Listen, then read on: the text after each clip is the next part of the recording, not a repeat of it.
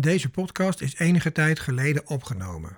Reeds ruim voordat er sprake was van het coronavirus en de gevolgen daarvan. Sommige onderwerpen, verwijzingen of uitspraken zijn wellicht op het moment dat deze podcast online geplaatst wordt niet of niet meer geheel actueel of realistisch. Om de sfeer en het onderwerp van de podcast in stand te houden, wordt het gesprek online geplaatst zoals het oorspronkelijk is opgenomen.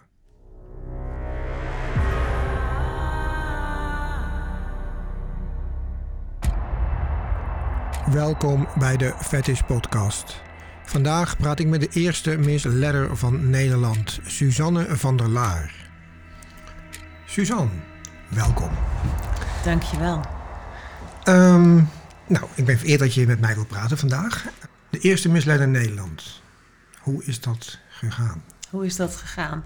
Dat is uh, vorig jaar uh, gebeurd, 2019. Op Moederdag uh, in Amsterdam ben ik benoemd als Miss Letter Nederland.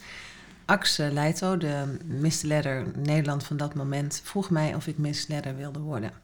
Daar moest ik even over nadenken. Toen zei ik: Oké, dat is goed. Daarvoor was het me namelijk ook al een paar keer gevraagd. En toen had ik nee gezegd, omdat ik vond dat ik er nog niet klaar voor was. En mijn gezin ook nog niet. Want als je iets doet, dan moet je er vol in gaan. En dat heb ik gedaan. Ja, want je hebt een gezin, dus je bent ook gewoon moeder. Ik ben uh, moeder, ja. Dat brengt mij gelijk uh, bij een volgende vraag. Uh, we komen nog wel even het andere deel terug zo. Um, hoe is dat om een gezin te hebben, moeder te zijn en misleider te zijn? Hoe combineer je dat? Nou, dat combineer je door in het begin, als je gevraagd wordt, een uh, gesprek aan tafel te openen met je dochter en je man. Van jongens, luister, Ax heeft mij gevraagd of ik misleider Nederland wil worden. Um, toen dacht ik van oké, nu is de tijd rijp voor een misleider, maar dan wil ik het vijf maanden doen. En mijn gezin had zoiets van, mam, als je het doet, moet je het nu doen en dan moet je er ook vol voor gaan. Dus dat hebben we gedaan. Uh, ik heb gezorgd dat ik mijn agenda leeg kon vegen, dat ik uh, overal inzetbaar was, uh, mijn fetishfotografie aan kon pakken en verder door kon stromen. Dus alle prides van vorig jaar ben ik aanwezig geweest. Ik heb een eigen pride georganiseerd in Almere, een transpad geopend, het regenboogpad geopend.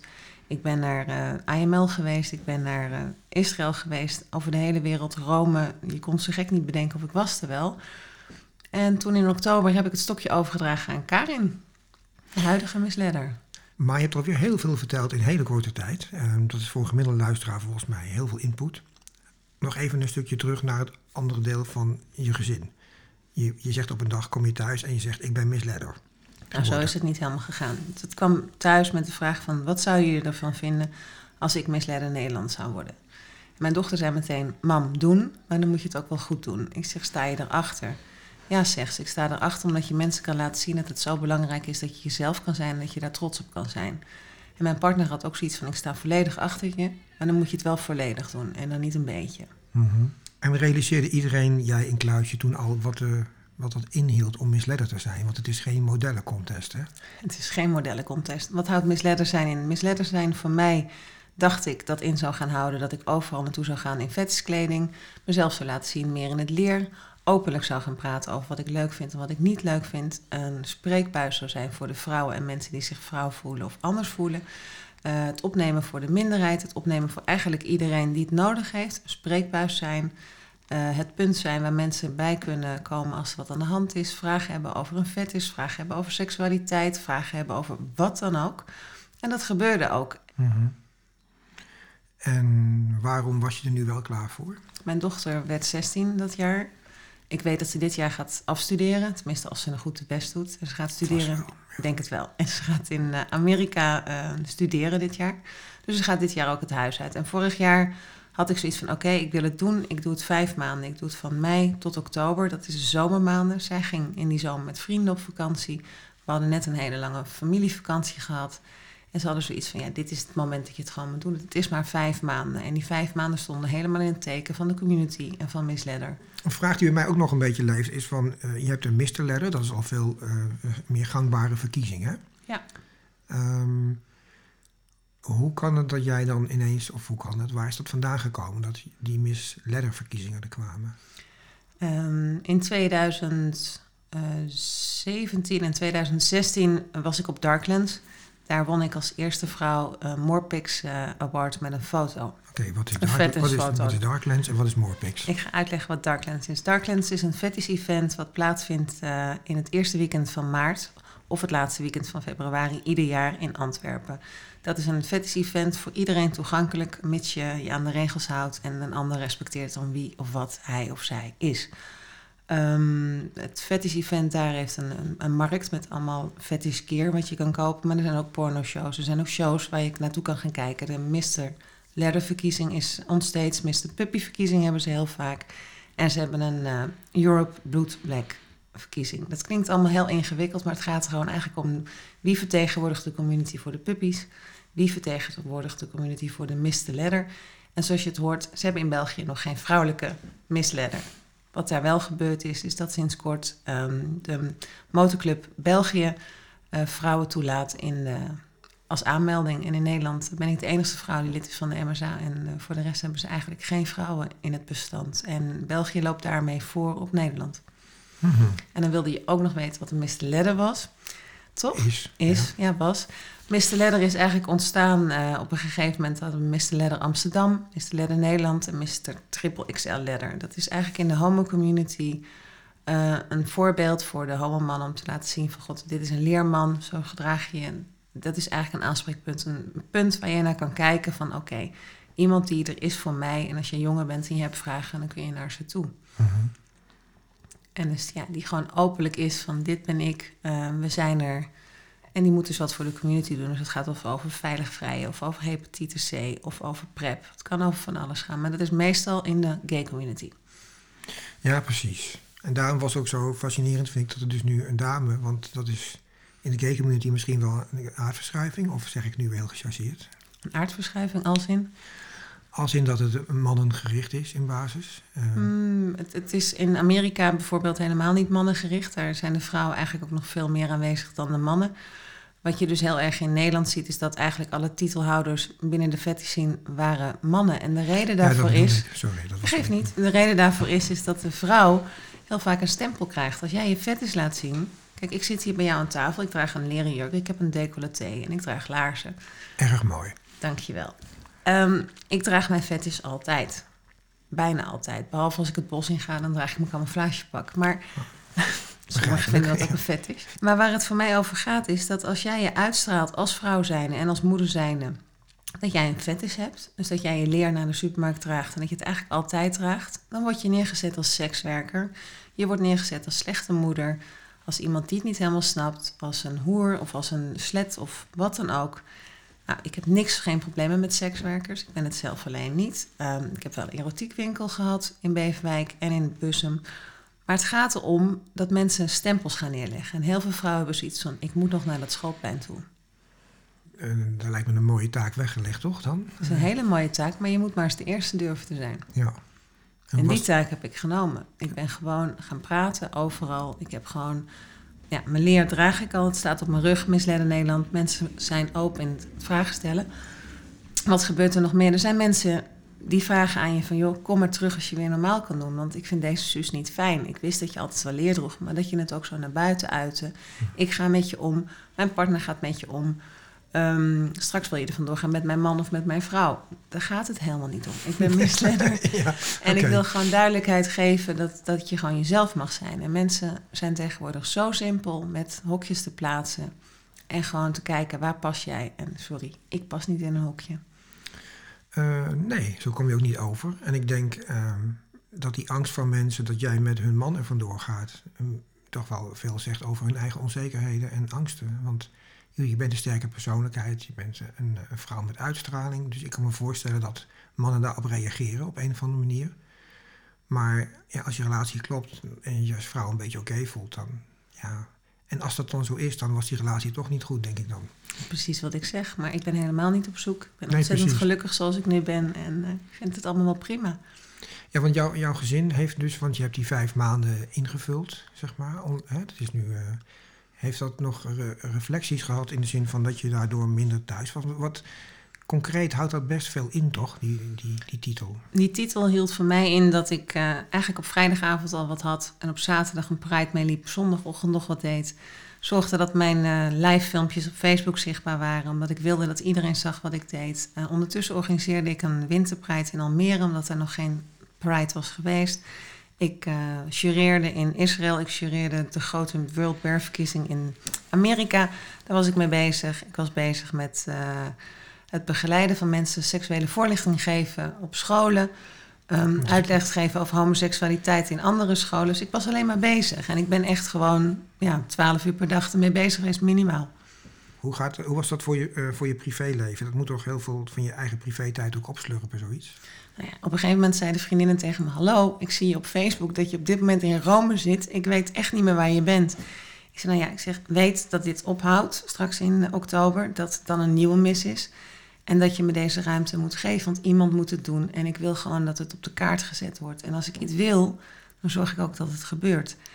Um, dus ja, mijn privéleven heeft onder te lijden gehad. Uh, ik kon niet naar bepaalde verjaardagen. Met mijn eigen verjaardag zat ik in het vliegtuig onderweg naar Cincinnati.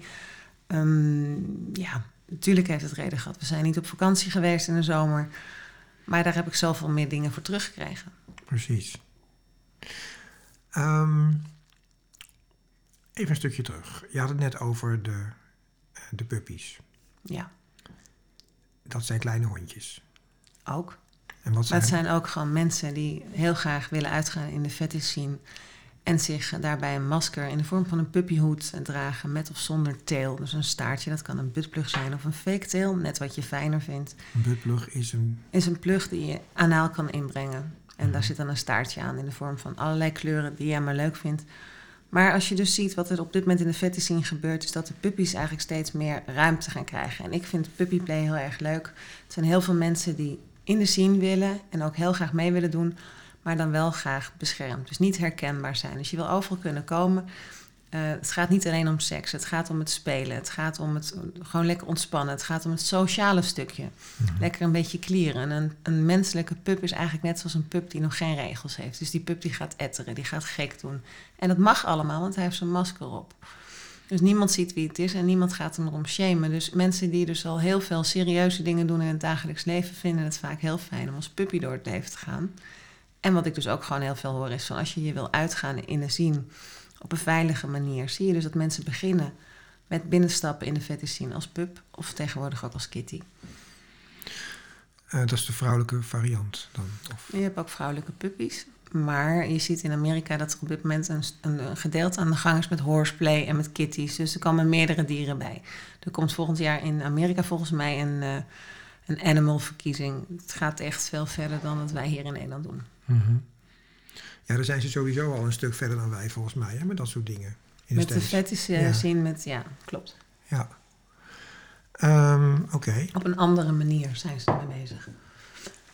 En hoe anders dan? Hoe is het anders? Um, je ziet daar dat um, ze binnen de bars ermee bezig zijn. Wij zijn er meer open-minded over. Ze zijn daar heel vaak gewoon afgesloten Facebook-profielen. Als je naar mijn Facebook gaat, Suzanne van der Laar, dan zul je zien dat mijn Facebook open staat. Ik vind als um, representeur voor Miss Ladder en voor de leercommunity mag je mij benaderen. Ben ik open? Als ik me moet verstoppen omdat ik mezelf niet durf te zijn, ben ik voor mijn gevoel niet goed bezig. Mm -hmm. En je ziet in Amerika nog heel veel vrouwen en mannen en puppies en kitties die dus ontzettend actief zijn in de community, die daarover geshamed worden, hun baan voor verliezen of andere dingen.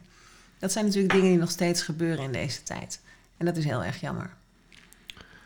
En is het niet zo dat het juist weer meer gebeurt nu? Op dit moment gebeurt het meer, bedoel je dat mensen geshamed worden om wie ja. ze zijn? Ja, zeker. En dat wil ik doorbreken. Door open te zijn. En weet je, als niemand het doet, dan gebeurt er niks. Nee, dat klopt. Um, dus dat is best wel kwalijk, denk ik dan. Dat we eigenlijk van een aantal verworvenheden over vrijheid en seksualiteit weer een beetje hier en daar teruggaan, toch? En we gaan behoorlijk terug. Niet alleen over seksualiteit, maar over jezelf zijn. Ga maar eens naar buiten kijken. Iedereen, bijna ieder meisje heeft blond haar en een paardenstaartje tegenwoordig. Ja, kan ze bijna niet uit elkaar houden, omdat dat de norm is. Mensen willen op elkaar lijken. Mensen zijn kuddedieren. Mensen volgen de ander. Dus als de een gaat lachen, gaat de ander ook lachen. Dat moeten we doorbreken. Onderwijzen, uitleggen. Wat is er aan de hand? Wie ben jij? Wat zijn je gevoelens van binnen? Waar kom je vandaan?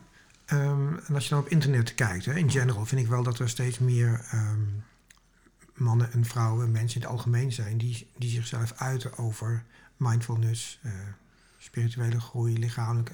Dat, is wel heel veel over te vinden als je er naar zoekt. En dat geldt ook voor, laten we zeggen, de fetish scene, de BDSM scene.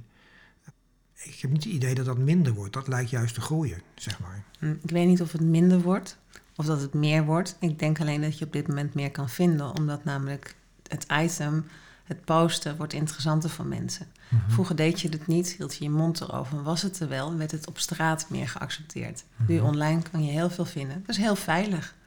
Als je online wat neerzet, niemand kan je erop aanspreken. Ga je naar buiten in je leren of ga je naar buiten in je harnas of ga ik naar buiten in mijn corset, dan krijg je commentaar. Dan komt het één op één aan je aan.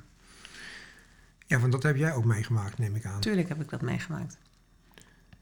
En wat moet ik me daar dan bij voorstellen? Ik, ik ging naar, naar de supermarkt en eh, ik had een leren rok aan en eh, ik had mijn. eh, ik, moest, ik kwam net van vrij Dordrecht volgens mij vandaan, dus ik was een beetje verregend en ik had een leren corset aan en een leren broek.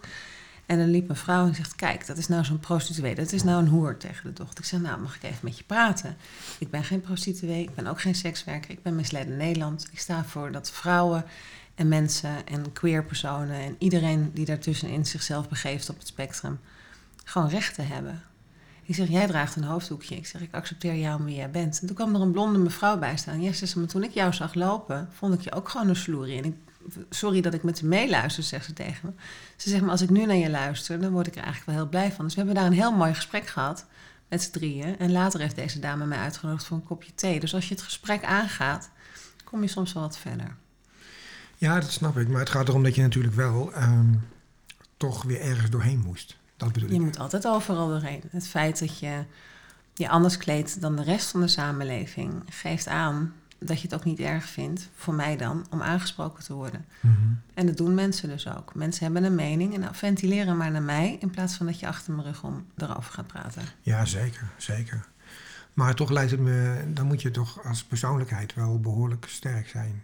Ik bedoel, het is niet niks. Maar het is niet alleen dat je zelf sterk moet zijn, ook mijn gezin moet dat dragen. Ja, dus mijn partner moet ook heel ja. erg sterk erin staan. En daarom heb ik ze ook toestemming gevraagd van wat willen jullie? Hè, als jij 16 bent en je moeder is misleider, dat is toch best wel even een dingetje. En mijn dochter had zoiets van, deel het. Deel het met de wereld, je ideeën. Je kan andere mensen helpen, daar word ik blij van. En hoe uitte zich dat dan bijvoorbeeld naar je dochter toe?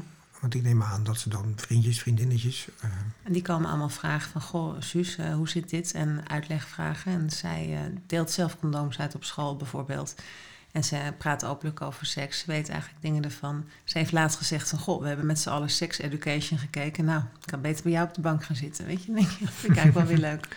Ja, terwijl ik aan de andere kant vind dat zoiets als sex education wel een heel positief iets is eigenlijk. Hè? Dat er een serie over zoiets gemaakt wordt. Dat is zeker in Amerika. Dat, eh, Ja, maar dan is jouw moeder dus misleider. En dan kom jij op school. En dan heeft jouw moeder dus een pride georganiseerd... waar jouw school aan mee heeft gelopen. En zegt die hele klas van... Oh, nou Merel, wanneer ga jij spelen in zo'n film? Wanneer krijgen we de Nederlandse versie? En daar heeft precies. ze eigenlijk wel heel hard om gelachen, ja. Maar dat is eigenlijk heel positief dus dan. Ja, maar het meeste is ook positief. Het begint heel vaak negatief.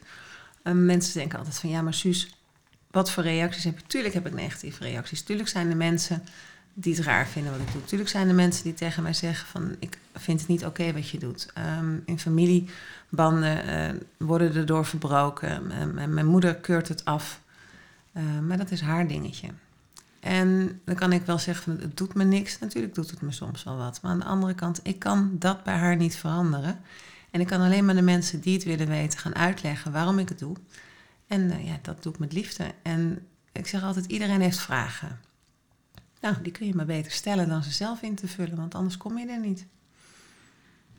Wat ik me afvraag is van, als je dan praat over, je zegt af en toe heb ik er last van dat mijn moeder daar ehm, ja, niks mee kan. Hè? Die dat afwijst, eigenlijk je afkeurt daarom. Ik bedoel, in hoeverre raakt dat je dan? Nou, ik heb er last van dat ze daardoor de kleindochter niet ziet opgroeien. Ik heb er last van op andere gebieden. Dus niet last van dat ze het naar mij toe niet uit, maar meer op het gebied van het is zo jammer dat mensen zo'n bekrompen stukje hebben. Maar ik kan het niet veranderen bij haar, want ze wil niet veranderen. En het is ook niet aan mij om iemand te zeggen dat hij anders moet worden dan dat hij is, want dat wil ik zelf ook niet. Nee. Maar dat is een hele mooie zakelijke formulering. Maar, Maar het voelt inmiddels ook echt zo. Het is natuurlijk ook niet iets wat van de een op de andere dag gebeurd is. Hè? Ik Nee, ben eh, nu 43 en ik heb in die jaren gewoon heel langzaam mijn tegenslagen en mijn positieve dingen gehad in het leven. En ook met mijn ouders. En op een gegeven moment kom je dan tot de conclusie dat het klaar is, omdat je elkaar alleen maar kwetst. Mhm. Maar dat zijn nuchtere constateringen. Hè? Dat komt dat ik zo nuchter reageer. Ik, eh, ik heb een verleden ehm, met een bepaald beeld, een ziektebeeld, waar het voor de rest niet toe doet, maar waardoor ik dus wat eh, nuchterder naar dingen kijk dan een gemiddeld persoon. Wat niet betekent dat ik niet raakbaar ben of kwetsbaar ben, want dat ben ik echt wel. Maar dit stukje dat is zo ontzettend gegroeid en al gezetteld dat dat voor mij eigenlijk niet meer uh, tranen opwekt. En uh, ja, als mijn dochter jarig is, zoals denk ik van verdorie, ze werd afgelopen jaar 16. Nou, het is toch jammer dat mijn ouders nu niet even een kaartje sturen. Weet je, dat zijn dan de momenten dat Ja, ik wel emotioneel ben. Maar voor de rest, nee, niet meer. Oké. Ehm, en wat zijn de reacties uit de community? Want wat jij nu omschrijft, eh, klinkt het voor mij dat het toch vrij sterk gekoppeld is eh, aan de gay scene. Gek genoeg, omdat het daar ook vandaan is gekomen voor een deel. Ik, eh, hoe zit dat in de... Je bedoelt de die- Precies, de voor mij onuitspreekbare term waarvan ik alle woorden ook nooit zo goed weet. En misschien kun je dat iets toelichten anders. Misschien dat mensen iets meer snappen waar dat eh, voor staat. De, de zin waar we het nu net over hebben, dus dat hele alfabet, dat gaat eigenlijk over het hele eh, stuk eh, van de regenboog. Alle kleuren van de regenboog worden daarin verteld. Dus de lesbiennes, de polyamoor, eh, de biseksueel, de panseksueel, de queer, de, de transgender, maar ook gewoon het mens zijn. Gewoon jezelf zijn. Alleen, dan zeggen mensen, maar waarom moeten mensen uit die zien zo knokken voor hun bestaan? Als jij of ik naar de film gaan, als, hè, ik ga er dan vanuit, degene die luistert heteroseksueel is of panseksueel, dan zie jij in de film iets gebeuren wat jij thuis ook ervaart. Je ziet een man en vrouw kussen, soms twee vrouwen. Nou oké, dat vinden heel veel mensen dan nog sexy. Maar als jij nou een jonge homoseksuele jonge man bent, wanneer zie jij dan in de bioscoop dat het oké is dat twee mannen elkaar kussen? Dat gebeurt bijna niet. Wanneer zie jij gewoon in een serie een normaal stel wat dan gay is? Het is altijd eentje die met zijn handen loopt te wapperen. Nou, de, de zien ehm, op zich is heel normaal. En mensen zeggen, waarom vechten jullie zo om voor jezelf uit te komen? Dat is nodig nog steeds. Want in Polen zijn op dit moment stukken land waarin je niet eens jezelf mag zijn. Waarin gewoon wordt gezegd van, we hebben LGBTQI-vrije zones hier. Dat gebeurt gewoon in? Europa. Ja. Ja, dat gebeurt nu. In Rusland worden mensen nog steeds, die verdwijnen. Er verdwijnen gewoon vrouwen, er verdwijnen mannen die ervoor uitkomen dat ze van iemand houden. Die dan Mhm. toevallig van hetzelfde geslacht is. In heel veel landen mag je als homoseksueel paar niet adopteren. Kom op zeg, we zijn allemaal mensen. En ook daarom zet ik me daar heel erg voor in. Als jij als transpersoon ergens wil werken en je gaat in je transitie, dan wordt er over je gepraat. Het is niet normaal. Mensen vinden het niet normaal. Ook al zeggen ze in je gezicht van wel, mensen doen raar. Mensen gaan over je roddelen. Dat doet pijn. Je gaat al in de hormonen. Je raakt in een puberteit terecht, waardoor je dus als een puber gaat reageren. Dus je zal af en toe heel boos worden en heel verdrietig. Je krijgt opvliegers. De vrouwen die in transitie gaan, die voelen alsof ze de eerste maanden zwanger zijn. Gaan overgeven. Het zijn allemaal dingen die mensen niet weten, want ze vragen er niet om. Nee, al die transgenders doen raar. Of al die gay people doen raar. En dan heb je ook nog die fetish mensen. Dat zijn allemaal rare mensen. Dat is wat je hoort. En daarom, in het stukje van de regenboogcommunity voel ik me heel veilig. Omdat ik me daar gewoon in kan bewegen. Ook als fetishfotograaf. Ik kan het spectrum daar gewoon neerzetten. Het wordt begrepen. En mijn hetero-vrienden snappen het ook wel. Maar die hebben allemaal toch wel zoiets van... Stiekem achter de deur. We houden het binnen kamers. En de gay community die wil zodanig zijn eigen plek hebben... dat de gay community open is. En dan heb je vanille gays en je BDSM gays... en alles wat er tussenin zit. Dat zijn ook gewoon maar mensen. Ehm je zegt dat je je heel veilig voelt in die scene. Dat kan ik heel goed begrijpen. Daar voel ik me ook veilig in. Ik ken dat gevoel. Ehm, al die mensen die met die gevoelens worstelen. hè. Er zijn heel veel mensen die min of meer in een kast zitten, zeg maar. Hoe zie je dat via Miss Leather en wat je er allemaal voor doet? Heb jij reflectie daarop gehad dat je denkt van nou, dat heeft geholpen? Mensen gaan dankzij jou iets ondernemen. Ja, iets Ja. ondernemen. eh. Zeker dat dat geholpen heeft. Ehm, het moment dat je zodanig open bent over wie jij bent en waar je voor staat. En je Facebook opengooit en echt alles opengooit. En een interview geeft in de krant. Dat je Miss Leather Nederland bent en er ook over praat. Ik heb op de radio erover gepraat. Ik, ik ben een open boek. Mensen kunnen naar mij toestappen. Als ik dat doe in mijn extreme zichtbaarheid met grote borsten, smalle taille, corset, leer, leren rok, pumps, lieslaarzen, whatever. En als jij dan alleen met een corsetje moet, ben ik al tien keer erger dan jij. Dus dan is het voor jou makkelijker om achter mij mee te gaan. Dus dan waren de prides en dan kreeg ik een vraag van... ik wil naar mijn eerste pride toe en ik wil een leren corset aan. Vind je het erg als, als ik met je meeloop? Nee, loop maar mee. En op een gegeven moment liepen er gewoon steeds meer mensen mee die dan belden: Waar ben jij? Ik wil meelopen, maar ik durf niet. Ja. Of een, of, of, een, of een crossdresser die dus mee wilde lopen als vrouw. En zoiets had van: Ja, mijn vrouw vindt het oké, maar ze wil niet naast me lopen. Mag ik jouw hand vasthouden het eerste stuk? Want ik ben zo bang. Tuurlijk hou ik je hand vast. Daar ben ik misleider voor. Ik ben misleider geworden om te zorgen dat het allemaal wat makkelijker wordt. Ik vraag de aandacht, die is op mij gericht. En dus jij kan met je kleine stukje vet is wat je naar buiten wil brengen, naast mij, achter mij of voor mij uitlopen. Geen probleem. Ehm, dus eigenlijk vervul jij met jouw rol dan ook best wel een hulpverleners dingetje? Ik wil het zeggen als hulpverlener. Ik denk dat ik meer een soort boegbeeld wil zijn. Ik wil meer gewoon degene zijn die op de barricade staat. Ik wil degene zijn die de hokjes verplaatst, die de, die de lijnen openzet, die de deuren opentrapt. En die zorgt dat jij gewoon door mensen mijn verhaal te laten zien, door te laten zien dat je mij volgt, of met mensen te gaan praten van, goh, heb je zus gezien, wat vind je ervan? Dat je daardoor makkelijker met je omgeving kan vertellen waar je zelf je vet is in vindt. Dat kan leer zijn, dat kan rubber zijn. Van mij part wil je konijnenoren dragen. Als je maar jezelf bent. Want je kan maar één ding zijn in het leven. En dat is jezelf zijn. Um, ik werd misleider en ik had dus niet verwacht dat er zoveel mensen gewoon in een soort kast zouden zitten. Dus in een kast zichzelf verstoppen, binnen omkleden en dan naar buiten gaan in een spijkerbroek met een slobbertrui. Dat toch niet nodig. We leven in 2020. Uh, leer is een van de meest ecologische kledingstukken die er is. Dus het is ook nog milieuvriendelijk. Krijg je natuurlijk al die leerlooiers overheen. Maar goed, daar hebben we een andere podcast over. Er is tegenwoordig ook vegan leather. Maar om daarover te praten, leer was vroeger een beschermlaag. Leer in de oudheid werd gedragen om je te beschermen tegen de buitenwereld. En op dit moment, als je je leer draagt, is het of een modestatement of je bent ordinair. Mensen hebben een mening en die mening die kunnen we openbreken als we het met z'n allen doen. En die openbreker, die eerste barsten, die wil ik er met liefde inschoppen. Dat heb ik het afgelopen jaar ook geprobeerd te doen. En als ik dan nu zie dat als ik reis in mijn corset of als ik in de trein stap in mijn voederleer, ik word aangesproken op een respectvolle manier en soms niet. En dan ga ik ook het gesprek aan. Er is één keer geweest en dat was in Antwerpen. Zat ik in een hotel en uh, toen moest ik naar buiten en toen voelde ik me niet veilig. En waarom voelde ik me niet veilig? Er liepen allemaal vrouwen. En die vrouwen die waren allemaal naar mij aan het kijken en aan het wijzen. Het waren niet eens mannen die wat zouden doen. Het waren vrouwen die vervelend waren. En dat is de enige keer dat ik er niet op af ben gestapt. Ik ben weggereden. Ik heb mijn auto op een gegeven moment aan de kant gezet. Ik ben gaan nadenken. Ik ben uit mijn auto gestapt en ik ben teruggelopen om met ze in gesprek te gaan. Ik heb nog nooit mensen zo ontzettend zien schrikken. Oké. Weet je, ik had geen zweep bij me, ik had helemaal niks bij me. Ik had gewoon leren aan, ik had de corset aan. Ja, ik heb cup G. Zo wat. En dan zwart haar en rode lipstift. Dus er kan best wel wat uit die auto. Begrijp ik. En als je dan allemaal daar staat te kijken... en uiteindelijk, twee van die dames zijn mijn gevolgen op Facebook... en van wie ik dus nu weet dat er eentje gewoon naar Darklands komt...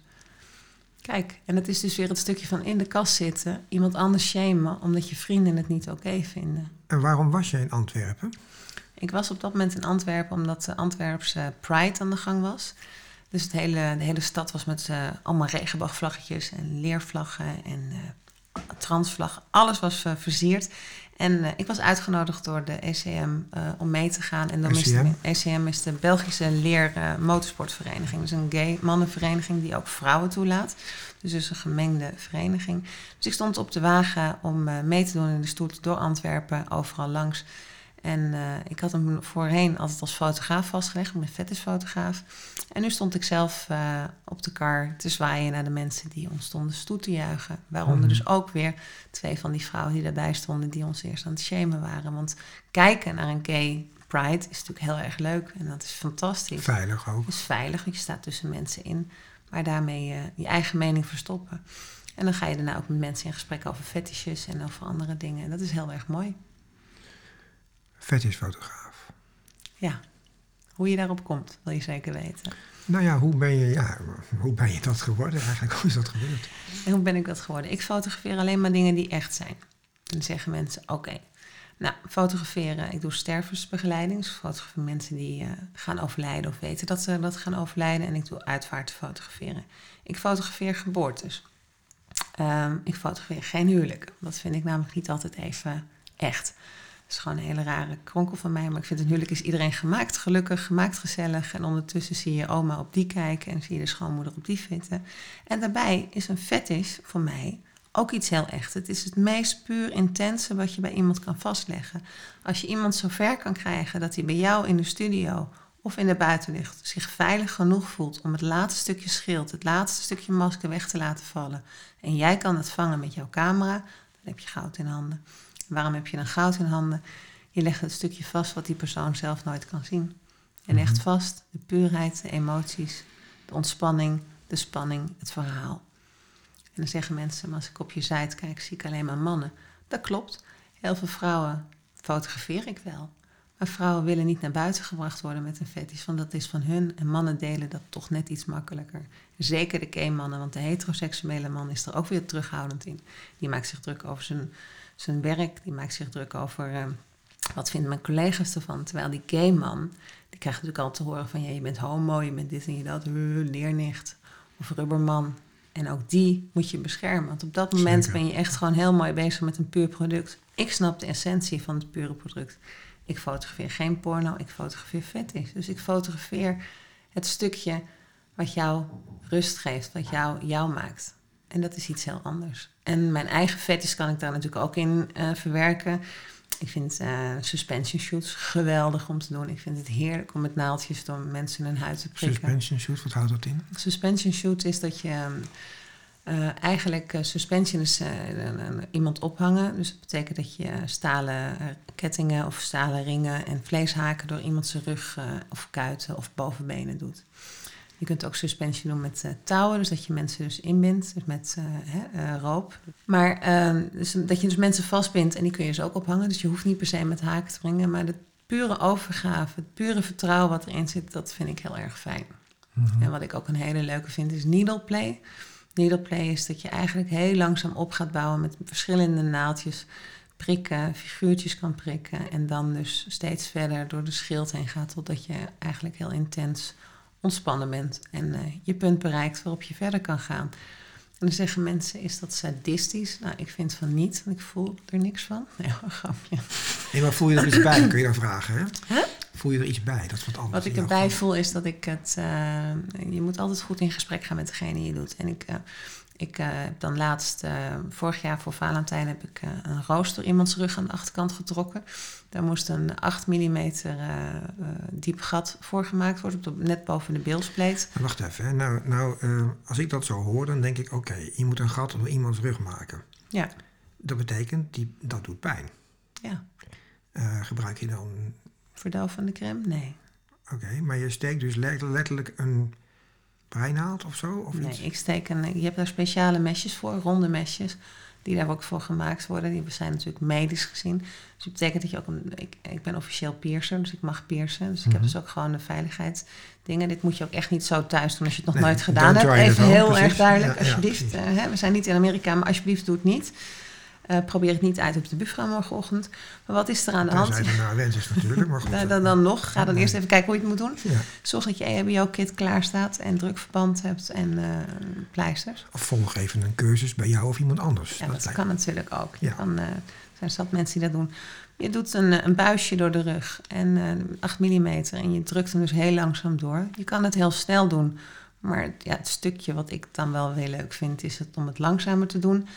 Um, dan krijg je ook een mooiere snijwond, waardoor die ook mooi doet. Maar, sorry hoor, dan ben je toch een sadist? Nee, dat ben je niet. Want je weet dat je iemand op zo'n moment pijn doet. Als je het heel snel doet, heb je daarna meer last en krijg je een lelijkere wond, waardoor die dus minder makkelijk geneest. Dan doe je het rustig, dan heb je het in controle en dan beschadig je minder. Maar wat is pijnlijker? De eerste is pijnlijker als je het snel doet, omdat je daarna gewoon wekenlang gewoon een, een probleem op je die okay. kan hebben. Nou, dan is het even helder voor mensen. Want het klinkt namelijk, als je zegt, ik doe het lekker langzaam, dan denk dat je... klinkt heel gek. Van, ik doe het lekker langzaam. Op het moment dat je het langzaam doet, kan je ook gewoon voelen of je weerstand in huis hebt. Want je wil natuurlijk niks beschadigen. Je wil niks aan. Dan doe je het snel, dan heb jij niet door wat je doet. Dus met needle play, en zeker met suspensions, moet je het rustig doen. Je moet niet even snel een paar haken plaatsen. Uitmeten, berekenen. Goed oppassen met wat je doet. Want je speelt gewoon ja, met de trekkracht van de huid. Dus je moet echt opletten wat je doet. En hoe diep gaat zo'n rondmesje dan door je heen? Gaat door je vlees of onder je huid langs? Het gaat echt alleen maar door je huid. Het gaat niet door je spierweefsel of door je vlees. En dan ontstaat daar een ruimte waar je een haak in aanbrengt. Nee, je kan dus als het ware, je doet een hulsje erin. Waar je mee prikt is een hulsje. Net als dat je een piercing plaatst. Dan krijg je ook eerst een hulsje en dan gaat, daarna gaat het ringetje er doorheen. Nou, bij deze gaat de haak er doorheen. Je kan ook met de haak zelf prikken. Vind ik zelf minder prettig. Als je namelijk met een haak prikt, dan duw je het vlees en dan duw je de spullen, hè, dan duw je het materiaal opzij.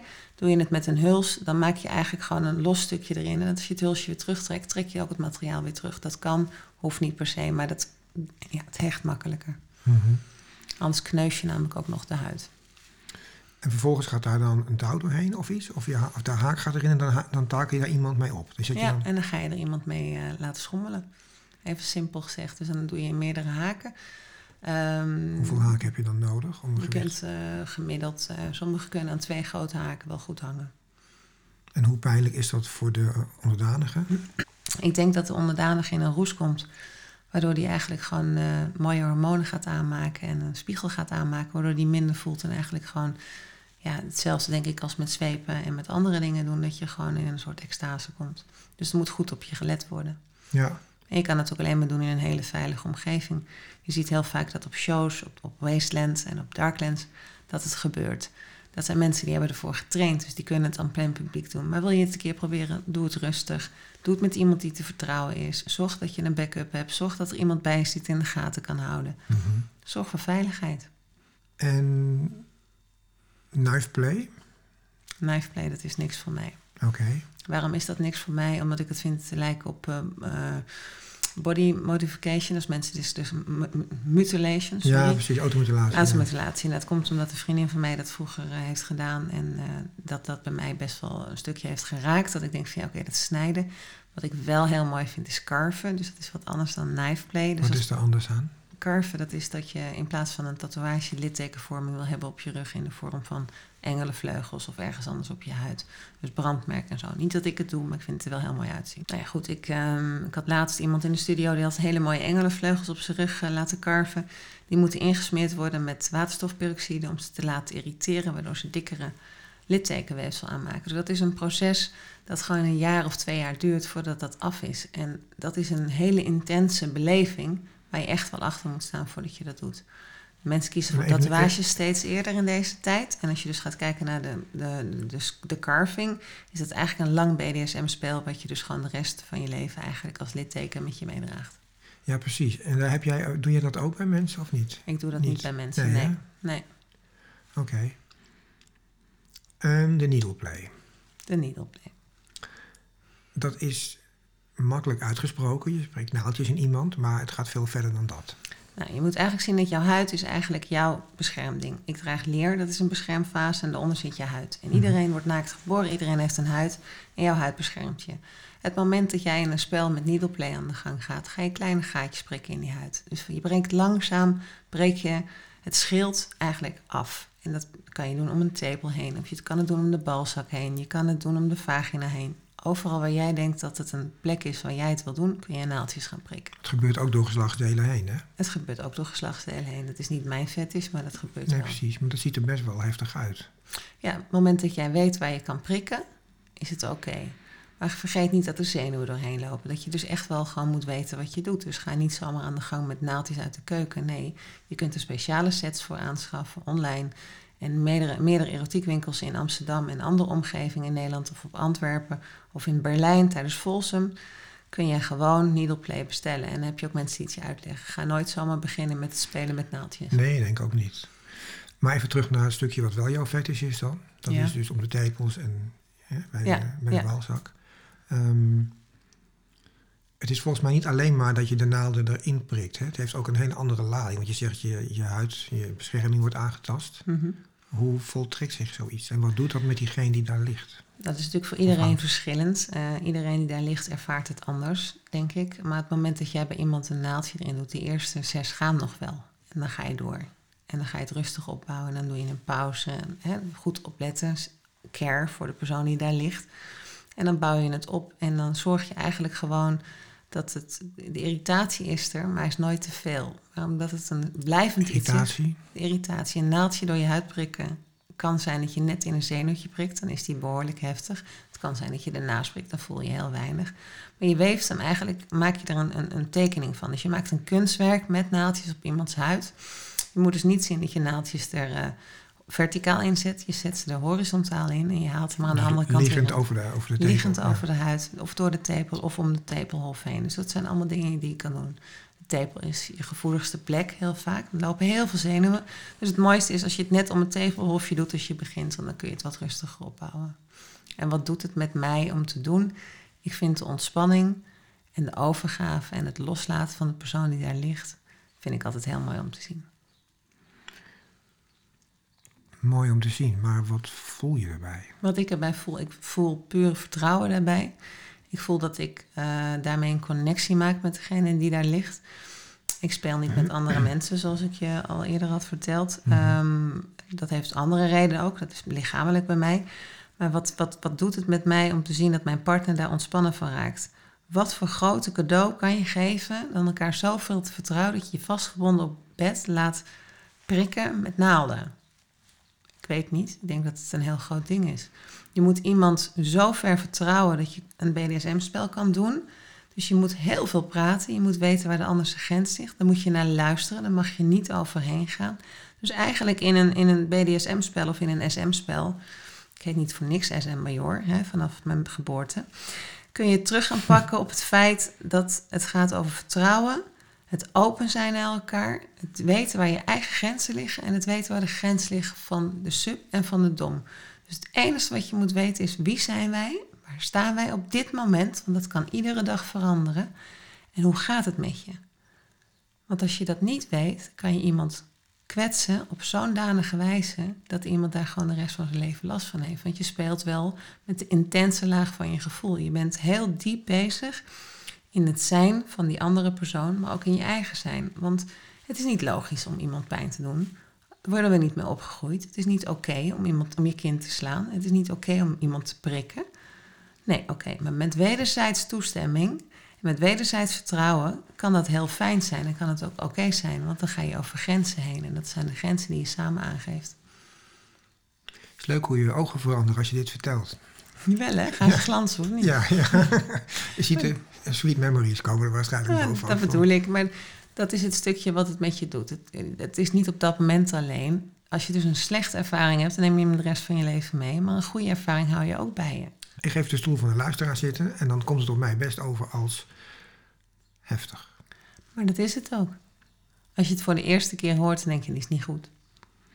Nou, zo, ik oordeel niet, dus dat maakt... Maar ik kan me nee, ik weet dat, je niet oordeelt, maar ik denk dat er echt wel mensen zijn die denken van... nou ja, hoe dan? En waarom zou je iemand in je partner van wie je houdt... waarom zou je die pijn willen doen? Oké, we, luisteren met z'n allen naar een fetish podcast.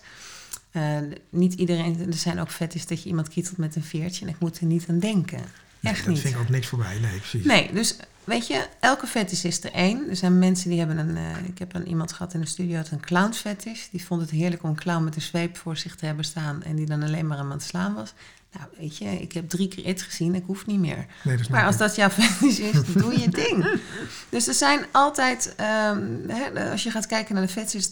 bij de BDSM-stukken zit er een stuk spanning in. Als je gaat kijken naar hoe je vroeger opgebouwd werd... als kind was alles spannend wat je deed. Dus eigenlijk als je gaat kijken, mensen die uh, hun fetish beleven, zijn eigenlijk heel puur naar zichzelf aan het kijken, wat heb ik nodig? Je hebt altijd een stukje spanning nodig. En die zoek je dan op met degene die jij kan vertrouwen. Dus jouw leven is heel gezapig. Je, je werkt uh, als accountmanager, of je werkt achter de kassa, of je werkt uh, als ontwerper. Je hebt een verantwoordelijke baan, je bent gewoon moeder. Maar s'avonds om 11 uur gaan de gordijnen dicht en kan je je laten gaan. En kan je gewoon eens even gewoon voelen en gewoon zijn. En dat zie je heel vaak binnen de zin. En dat zijn ook de verhalen die ik hoor. Van ja, wij deden s'avonds om 11 uur waren de kinderen op bed. Dan gingen de gordijnen dicht. En dan haalde ik het uh, Christine Leduc zweepje uit de kast. Mhm. Inmiddels hebben die mensen dus andere dingen. Vertellen ze me ook. Maar dat zijn nog steeds verhalen die mensen mij dan appen. En dan denk ik van ja, kom maar. Kom maar met de verhalen. Kom maar met de vragen. Kom maar met de dingen die je wil weten. Er zijn mensen die zijn uh, doen aan chokeplay. Dat vind ik zelf heel eng. Dat betekent dat je iemand aan verstikking doet. Dan totdat moet je ze buiten Westen gaan. Totdat ze buiten Westen gaan. Dan speel je echt letterlijk met iemands leven. Dat gaat voor mij te ver, maar voor een ander is dat weer oké. Zo heb je dus met al die dingen, ieder heeft zijn eigen grens. En daarom zeg ik, overleg, praat en communiceer. Mhm.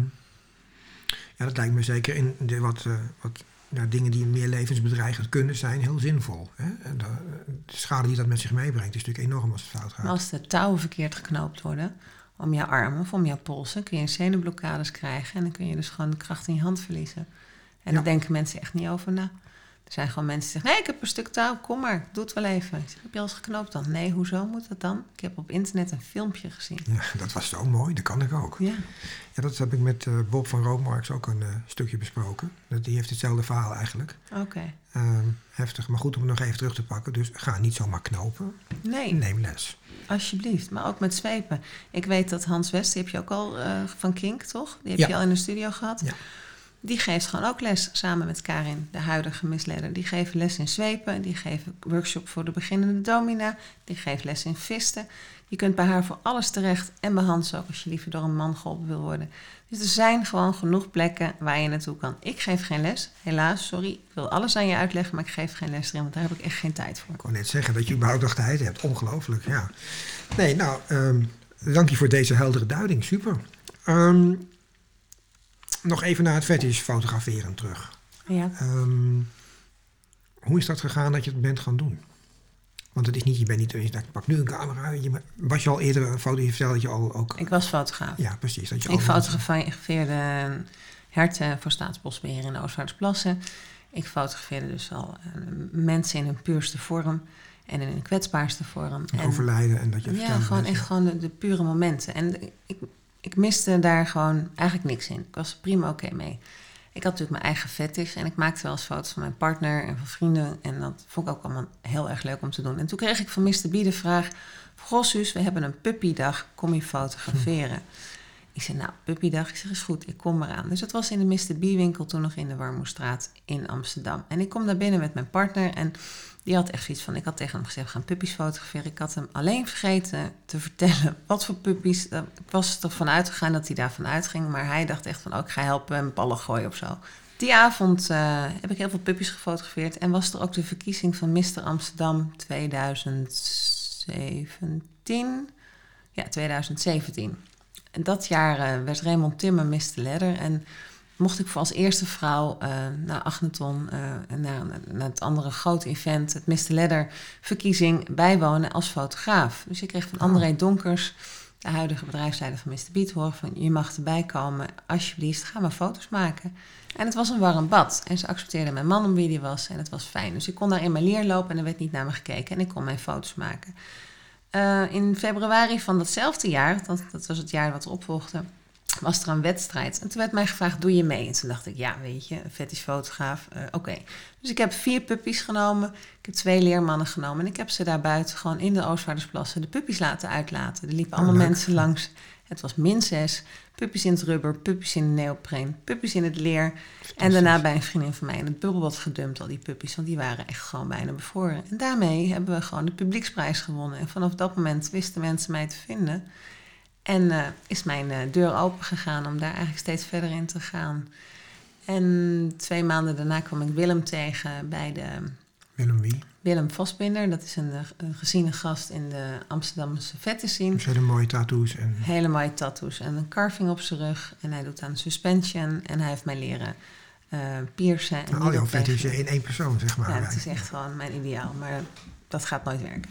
Maar goed, dus het is heel grappig om te zien. Eh, Willem en ik hebben een hele goede band. Ehm, en we zijn gewoon heel erg oké ermee. Dus vanaf dat moment kwamen er eh, meerdere mensen die mij wisten te vinden. Vrouwen, mannen. En kwam ik achter allerlei fetishen waarvan ik het bestaan niet wist. Ik ben erachter gekomen dat ik een kotsfetish echt helemaal niks vind. En dat iemand die aan mij uitlegt dat hij in de pindakaas met veertjes gefotografeerd wil worden... eigenlijk iets heel anders bedoelt. Dus ja, nee, ik ben eigenlijk overal wel achtergekomen toen. En ik wist al vrij veel, maar doordat mensen open met je praten... op het moment dat je bij mij in de studio komt... gaan we eerst praten wat je niet wil.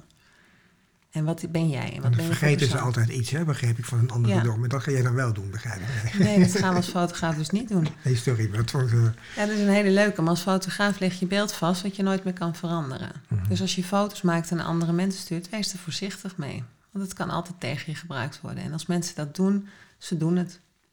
En ja, ik ben er open in, maar mij, ik heb ook niemand die mij kan shamen of kan blackmailen. Maar er zijn heel veel mensen die worden dus wel door Ja, ja. aangepakt. Dat zijn wijze woorden, maar ik wil nog even terug naar het stukje fotografie. Want je, bent, je vertelde, je bent toen met die, die publieksprijs gewonnen. Ja. En toen wisten mensen jou te vinden, heb je veel meer door gedaan. Is het nu zo dat je nu ook zeg maar een soort van, eh, hoe moet dat uitleggen? De fetishfotograaf van Nederland bent? Of hoe Nee, maar dat vind ik een te groot woord. Ik, eh, ik, Ja, mijn, mijn, mijn, mijn fetishfotograaf waar ik heel blij van word... is bijvoorbeeld René Zuiderveld. Mhm. Die fotografeert alle leermannen al jaren. Fotografeert voornamelijk leer en naakte. Ik ben fetishfotografe. Ehm, ik exposeer. Ik exposeer straks in Barcelona, in Antwerpen... en volgend jaar met Donkerlaar in eh, Zandvoort. Fantastisch. Dat is superleuk, maar mijn fetish gaat niet over de porno-kant. Ik ik fotografeer niet alleen maar mooie mensen. Ik fotografeer iedereen. Ik fotografeer mensen zoals mensen zijn. Dus als je bij mij op de foto gaat en ook mijn modellen die ik vraag...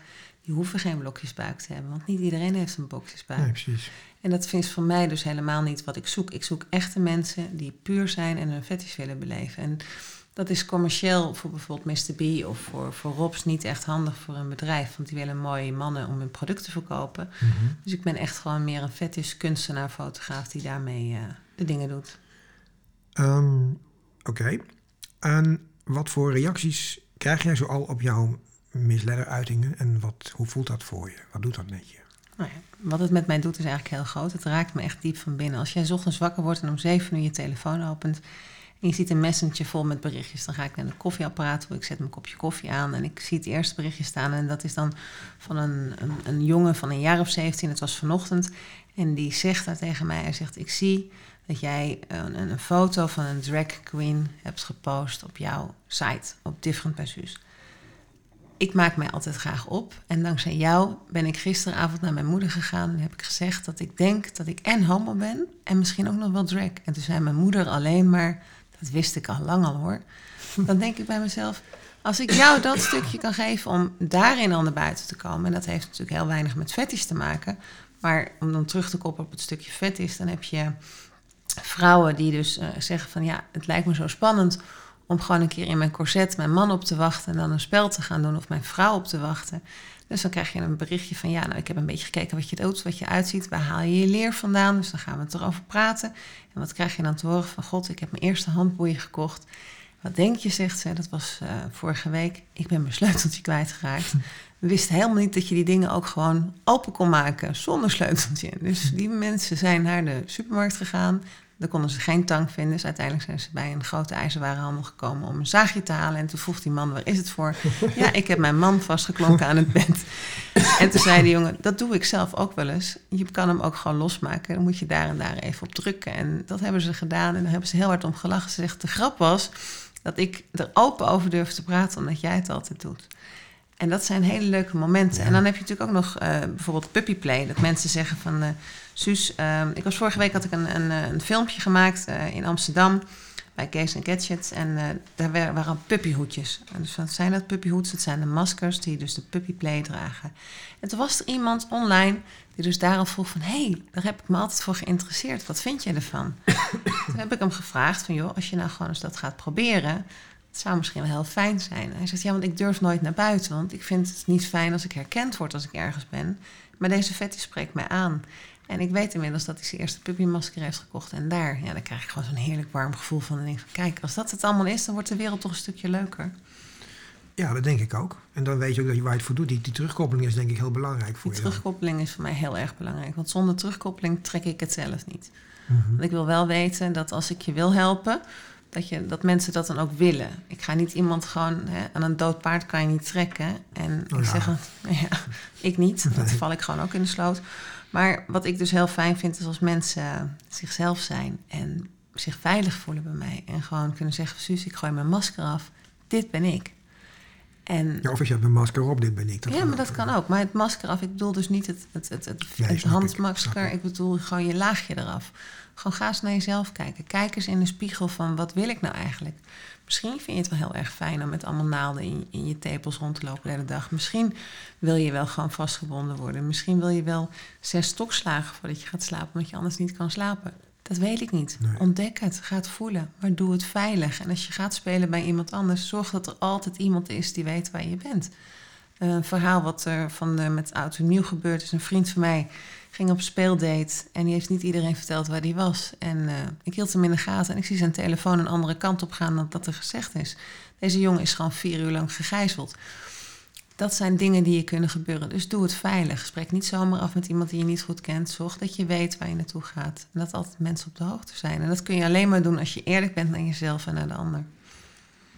Maar dat is iets wat niet direct reflecteert op dat jij natuurlijk een goed gevoel krijgt van wat je bereikt. Hè? Nee, maar dat eh, geeft wel aan dat die persoon die dus aan mij vroeg van via Facebook en via dingen van Suus, ik ga dat vanavond doen. Ik wil graag dat jij weet waar ik ben. Ja, precies. En dat is dan weer het stukje veiligheid erbij. Dus je mag ook tegen mij zeggen, weet je, ik had een vriendin die ging op date, zegt van oké, ik ben daar en daar. En die, die, die appt van het voelt niet goed. Kijk, ik ben ook gewoon een safe place. Dus je kan mij ook vragen van joh, ik moet nu gered worden, geef me even een belletje. je. Oké. Geen enkel probleem, maar zorg dat je die mensen om je heen hebt. En ja, eh, weet je, ik reed hier naartoe en toen kreeg ik eh, een Israëlische jongen aan de telefoon... die op dit moment Mr. Leather Israël is en eh, een heel fijn gesprek mee gehad. En die maakte zich druk dat hij volgende week naar Darklands komt en dat het coronavirus heerst. Hij zegt, ja mama leer, wat moet ik nou doen? Ik zeg, mama leer. Ik zeg, ik heb al heel veel titels gehad, maar die nog niet. Hij zegt, nou, you're a mommy for me, blablabla. En toen dacht ik, hm, wat lief, wat schattig eigenlijk. Ik zeg, maar wat is nou je probleem? En toen vroeg hij, do I need to take more leather to protect myself? Ook een manier om... eh, ja. Ja, nou ja, gebruik een condoom, zoen niet te veel mensen en eh, speel zoals je wil spelen. Maar pas op jezelf. En het grap is dat je dus eh, een voorbeeldfunctie hebt, niet alleen in de fetish community, maar daardoor ook naar iedereen toe die wat wil weten. Ja. Dat geeft een heel fijn gevoel.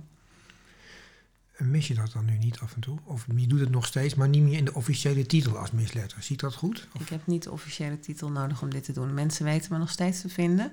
En eh, ja, een titel is een titel. En het is natuurlijk heel mooi dat, we dat, dat ik dat als eerste was. En dat ik het daarmee op de kaart heb kunnen zetten. En dat ik nu een, het stokje heb overgedragen.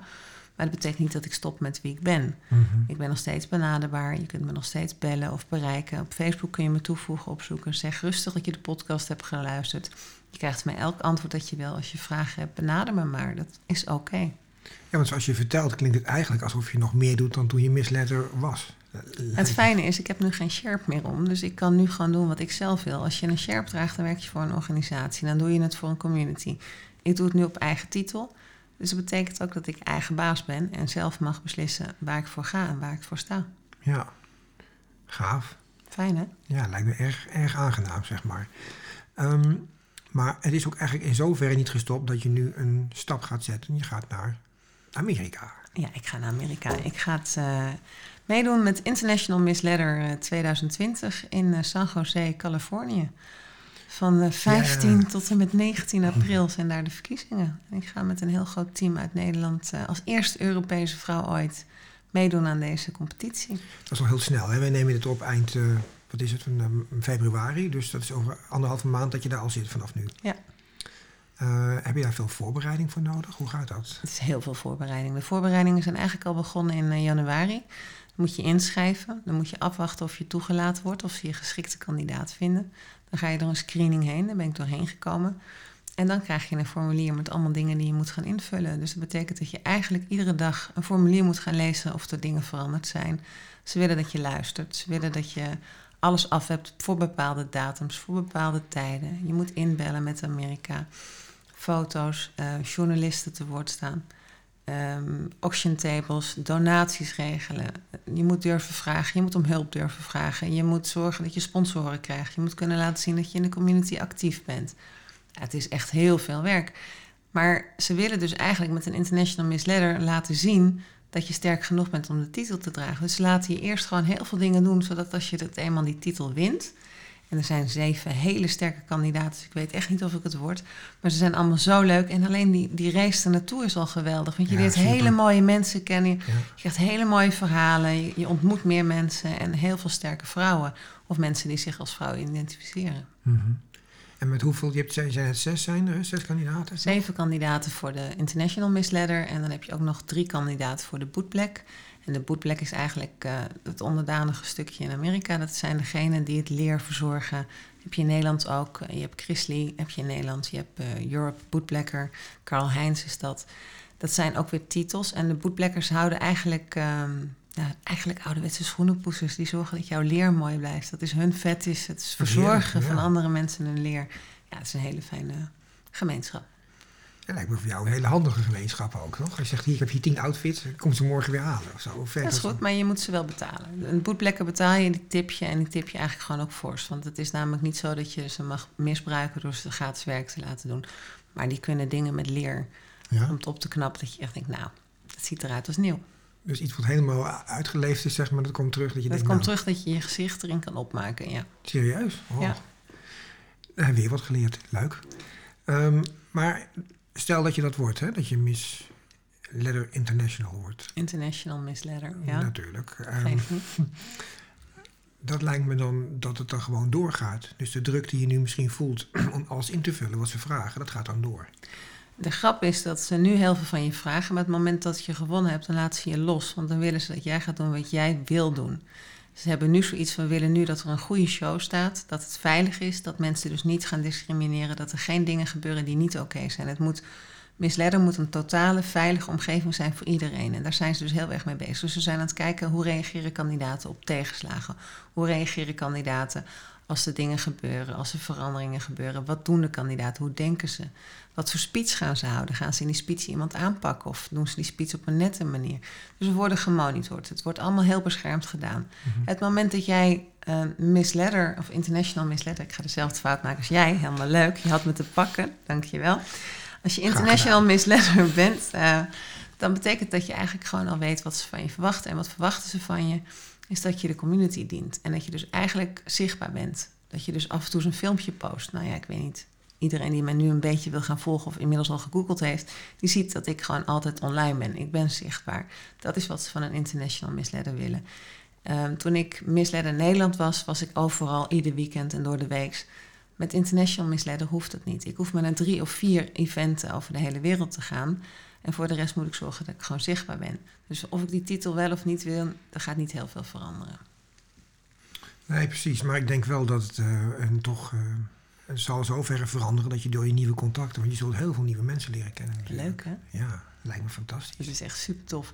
Wat ik heel erg leuk vind aan dit stukje is dat, dat, dat uh, de vrouwencommunity in Amerika heel warm is. Um, nou ja, zoals we net al vertelden, hè, het contact met mijn ouders niet helemaal lekker. Dus met kerst was er een kerstpakket voor Merel.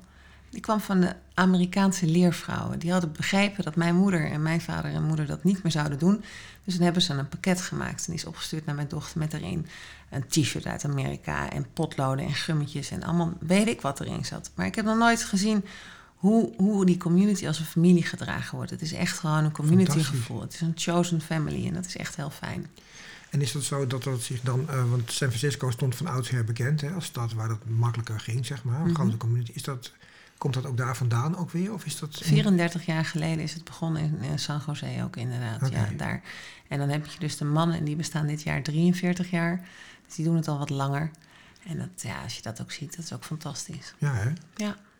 Heb jij een missie in general? Natuurlijk heb je in heel veel dingen al verteld. Maar is er iets waar je heel specifiek van zegt... van nou, daar wil ik me echt op focussen? Uh... Veiligheid. Alsjeblieft, doe alles wat je doet veilig. Zorg ook als je, als je gaat spelen dat je gewoon nuchter bent. Dat je gewoon ook met gemseks, dat je daarmee oppast. Hè, wat is gemseks? Gemseks is dat je uh, in je BDSM-spel niet aan kan zonder poppers, zonder Tina, dat is een drugs die je inspuit, of zonder ecstasy of zonder te veel drank. Dus dat je het eigenlijk al in een roes beleest. Het mooiste wat je voor mij kan doen, is dat je gewoon er puur instapt. Want je moet oppassen dat je niet te ver gaat. Je hebt te maken met je lichaam. Mhm. En zeker bijvoorbeeld als je met needle play werkt of met suspension, je hebt te maken met bloed. Je hebt te maken met dingen die stuk kunnen gaan. Als je iemand bijvoorbeeld vist, dan kan je iemand anaal stuk maken. Als je iemand sound, dan kun je de plasbuis perforeren. Als je iemand een, een galg in zijn mond doet, of een, een, bal in zijn mond doet, dat kan te hard aankomen. Weet je, je moet nog steeds kunnen aangeven. Je moet ook kunnen luisteren. En als jij onder invloed bent, kan je niet altijd goed opletten wat de, ja, wat de actie is van de ander. En dan kun je niet op tijd reageren. Het is eigenlijk hetzelfde als met autorijden. Pas op met wat je doet als je een zwaar BDSM-spel doet. Mhm. En zeker als je net begint. Ja, dat denk ik ook. Um, Heel veel mensen die ik hoor die willen beginnen, zeggen ja, dan gaan we eerst even aan de wijn de hele avond en dan gaan we spelen. Ik zeg, nou laten we dat gewoon niet doen. Dus alsjeblieft, neem een kop thee. Weet je, als je alleen maar dronken bent en dan kan spelen, is het misschien niks voor je. Dan moet je iets anders gaan zoeken.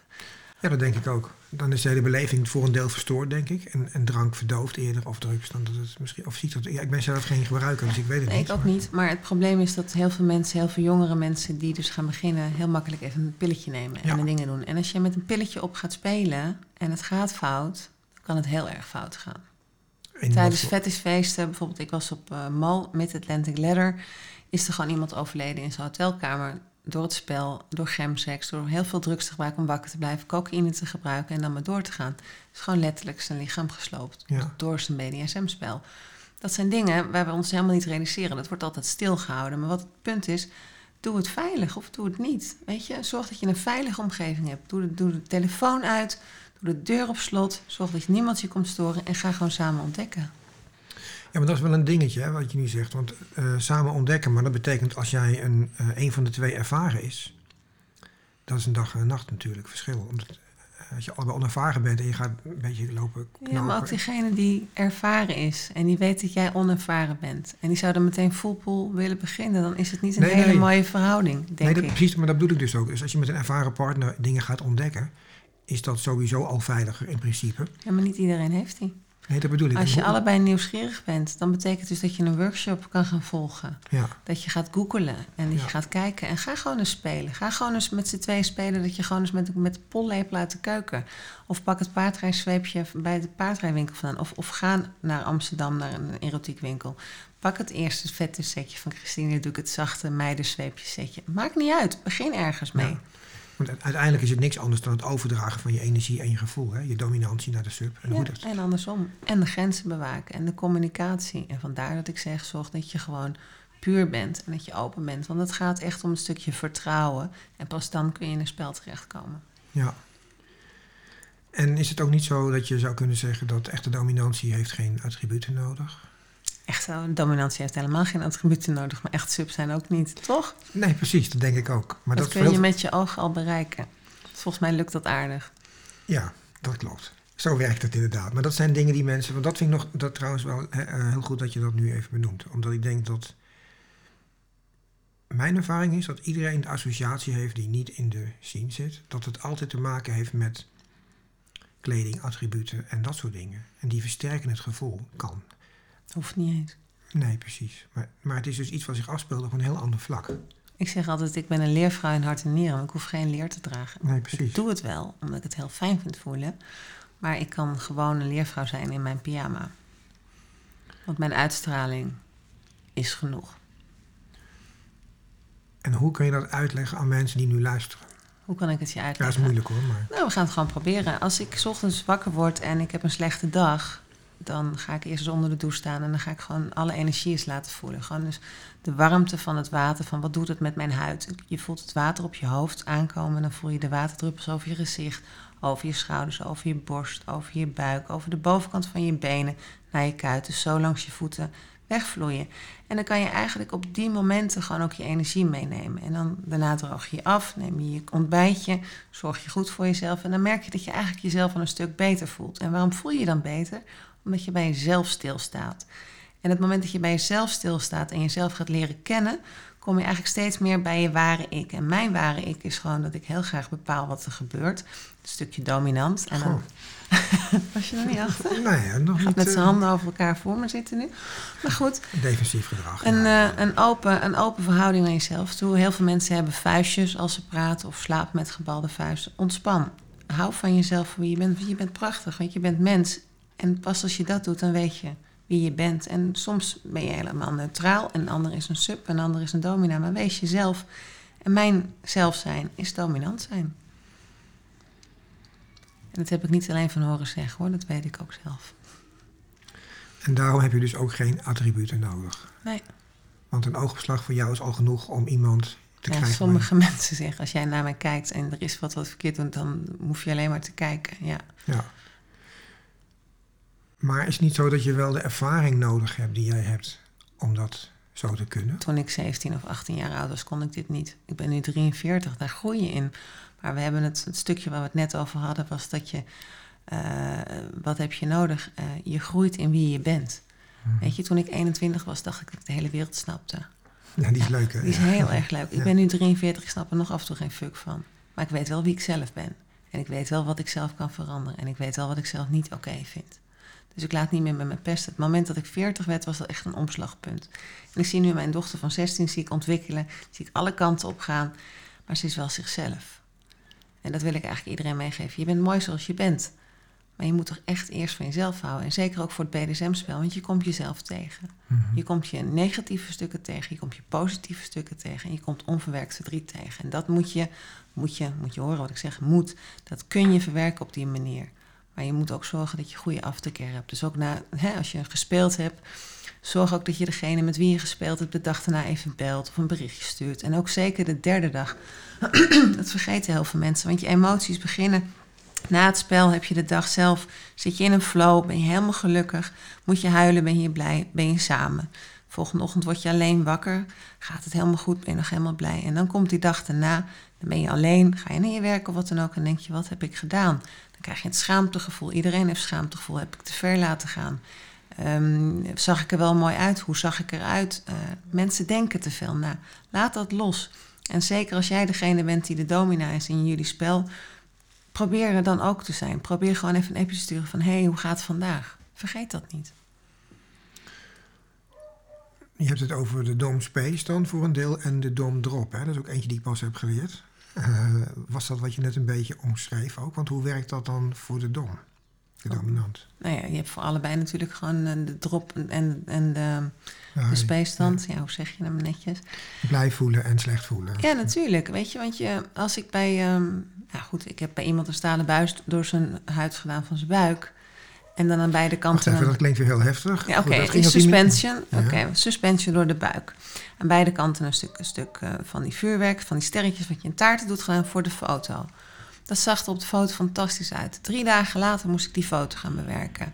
Toen was er een vriendin van mijn dochter... die stuurde op dat moment een foto door naar mijn dochter... en Merel roept, mijn mam moet je kijken. En toen kreeg ik een vuurwerkfoto te zien van een vriend van mijn dochter die een vuurwerkbom op zijn hand had gehad. Ja, okay. En ik heb die dag daarvoor, heb ik bewust bij iemand door zijn buik een stalen buis gehaald met aan de zijkanten van die fonteintjes die je in taarten zet. Daar had ik last van. En waar zat dat dan in? Want wat jij doet is gecontroleerd en met consent. Tuurlijk is het gecontroleerd, maar je doet het wel iemand anders aan. En op dat moment kwam het zo bij me binnen dat hij dat wilde en er ook een foto van wilde maken en die andere jongen het per ongeluk deed. Ik denk van oké, en ik doe dit. Is dan het voorbeeld wat ik geef niet goed? Nou, het had er natuurlijk helemaal niks mee te maken, maar je, je hoofd kan heel veel rare dingen met je doen op zulke momenten. Mm -hmm. Dat is eigenlijk dus best wel, voor mij was het een redelijk onbekend fenomeen, de domdrop, zeg maar. Dat je dus als dominant last kunt hebben van wat je doet. Tuurlijk, we zijn allemaal mensen. Dat snap ik, tuurlijk. Maar dat, dat wordt niet ook heel weinig besproken in mij. Ik weet niet dat is niet stoer, hè, om dat te bespreken. Nee, dan ben je ineens minder, uh, minder sterk of zo. Uh. Ja, ik denk juist dat je veel sterker bent. Het moment dat jij je eigen emoties kan laten zien... en dat jij kan praten over wat het met je doet van binnen... en dat je kan zeggen wat het met je doet als persoon... en wat je voelt, dat je een veel oprechtere dom bent... en een veel oprechtere sub en misschien wel een oprechte persoon bent. Maar dat is heel moeilijk en dan moet je naartoe werken. En dat kun je ook niet bij iedereen doen. Want iedereen heeft ook nog zijn eigen stukje wat hij voor zichzelf wil houden.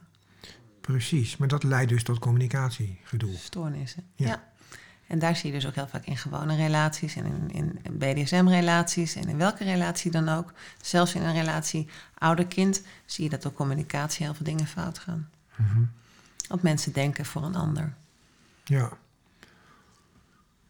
Interessant. grappig hè? En een sub denkt heel vaak van ja, maar die dom die, die is zo stoer, zo sterk. Maar soms wil ik ook alleen maar een knuffel. En dan geef ik iemand anders een knuffel, maar dan krijg ik er zelf ook een dat wel eens bedacht? Dat ik jou een knuffel geef en ik geef hem echt, ik er zelf ook één krijg? Um, nou, dat is denk ik het lastige voor subs, om daarin te schakelen.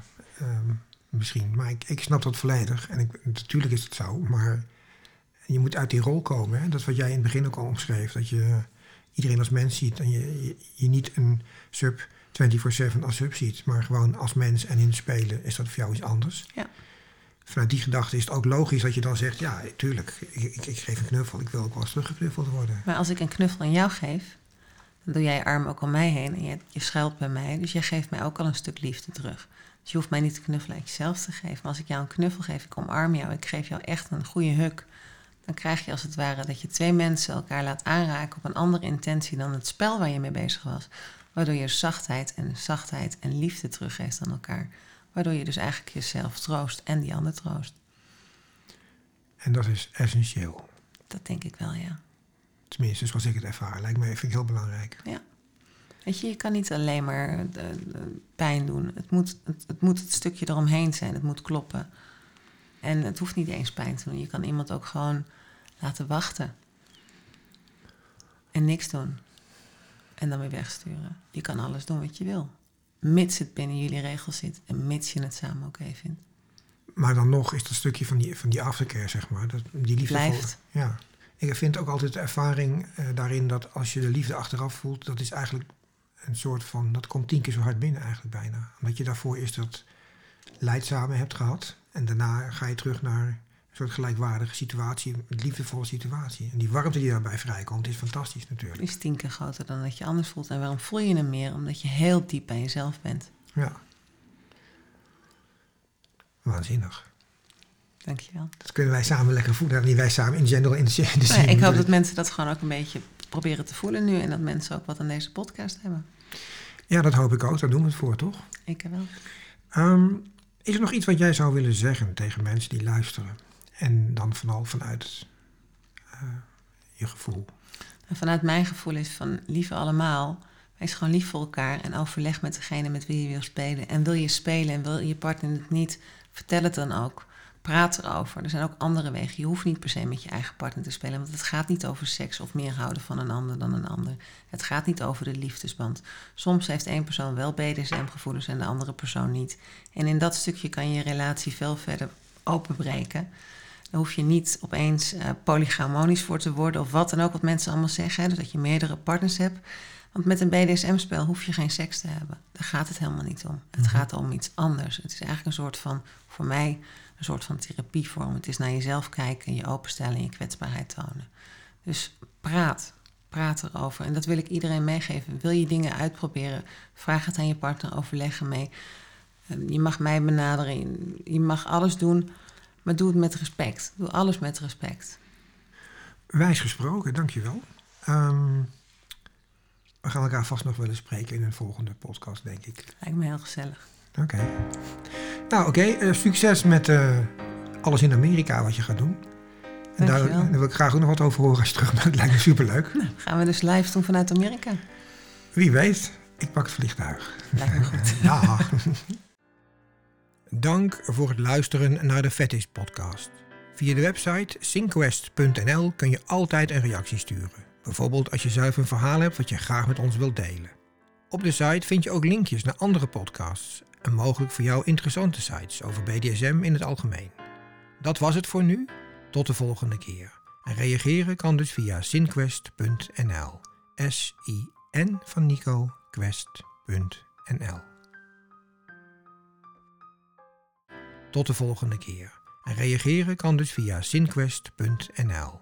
S-I-N van Nico, quest.nl.